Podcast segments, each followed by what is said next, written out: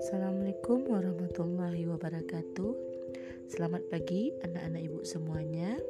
Berjumpa lagi dengan Bu Yaya pada edukasi materi pembelajaran anak SD kelas 4. Baik, pada pagi ini Bu Yaya ingin menyampaikan tentang materi IPAS yaitu mengenal bagian-bagian daripada tumbuhan.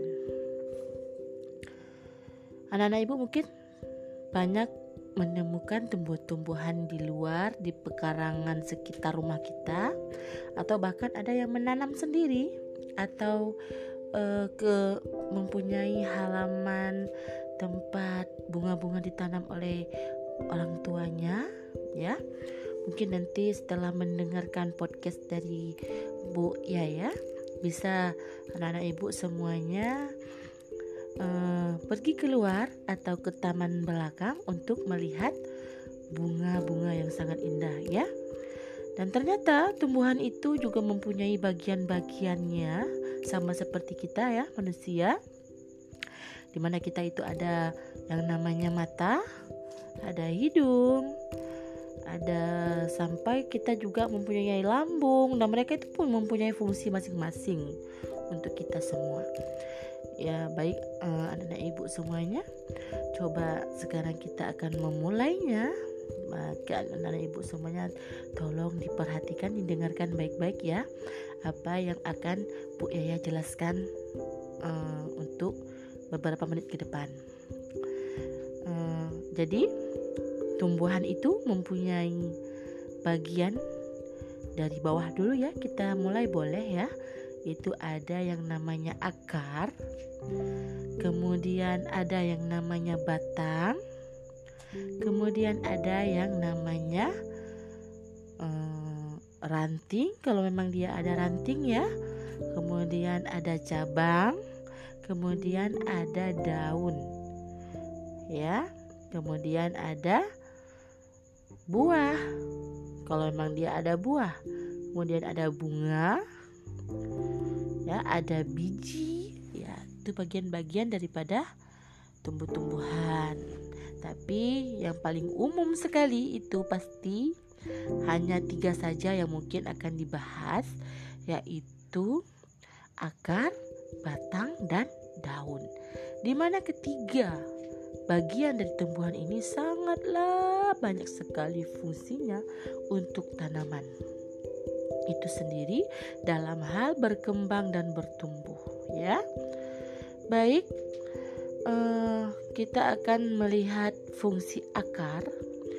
Biasanya fungsi akar itu dia akan menyerap air mineral sari-sari makanan itu dari tanah ya. Ketika setiap hari kita menyiram menyiram tanaman maka air tersebut akan diserap oleh akar.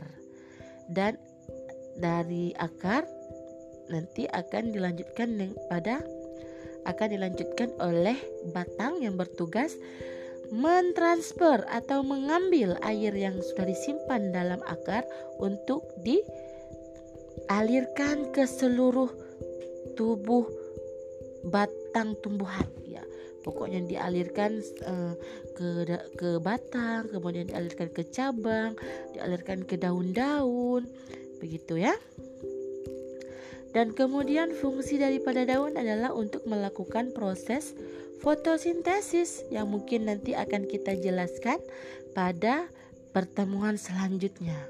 Jadi, pada daun itu ada yang namanya mulut daun seperti kita kita mempunyai mulut untuk makan. Begitu juga dengan uh, tumbuhan dia mempunyai mulut daun yang berada di daun itu fungsinya untuk melakukan fotosintesis. Ya secara garis besar fotosintesis adalah proses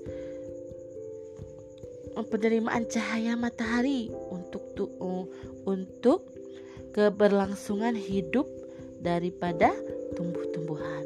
Ternyata yang membutuhkan matahari itu bukan hanya kita dan hewan ya. Ternyata tumbuh-tumbuhan juga membutuhkan matahari. Ya, seperti itu ya. Mungkin cuman cukup sampai di sini penjelasan Bu Yaya tentang bagian daripada tumbuh-tumbuhan dan Bu Yaya mengharapkan pada anak ibu semuanya akan lebih paham mungkin jika sambil mendengarkan podcast Bu Yaya pergi ke depan halaman untuk melihat langsung tanaman yang ada di sekitar pekarangan rumahnya. Tapi ingat, ketika sudah mencabut tanaman tersebut untuk melihat akarnya, maka harus ditanam kembali ya. Jangan sampai orang tua kita marah terhadap perbuatan kita yang padahal ingin tahu di mana sih letak akar tersebut ya.